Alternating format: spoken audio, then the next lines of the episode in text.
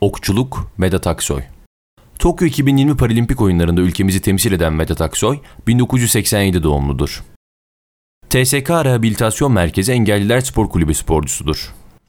Kariyerinde ilk kez Paralimpik oyunlarına katılacak olan Aksoy, 2021 Fazla Kupası'nda takım kategorisinde birinciliği elde etti.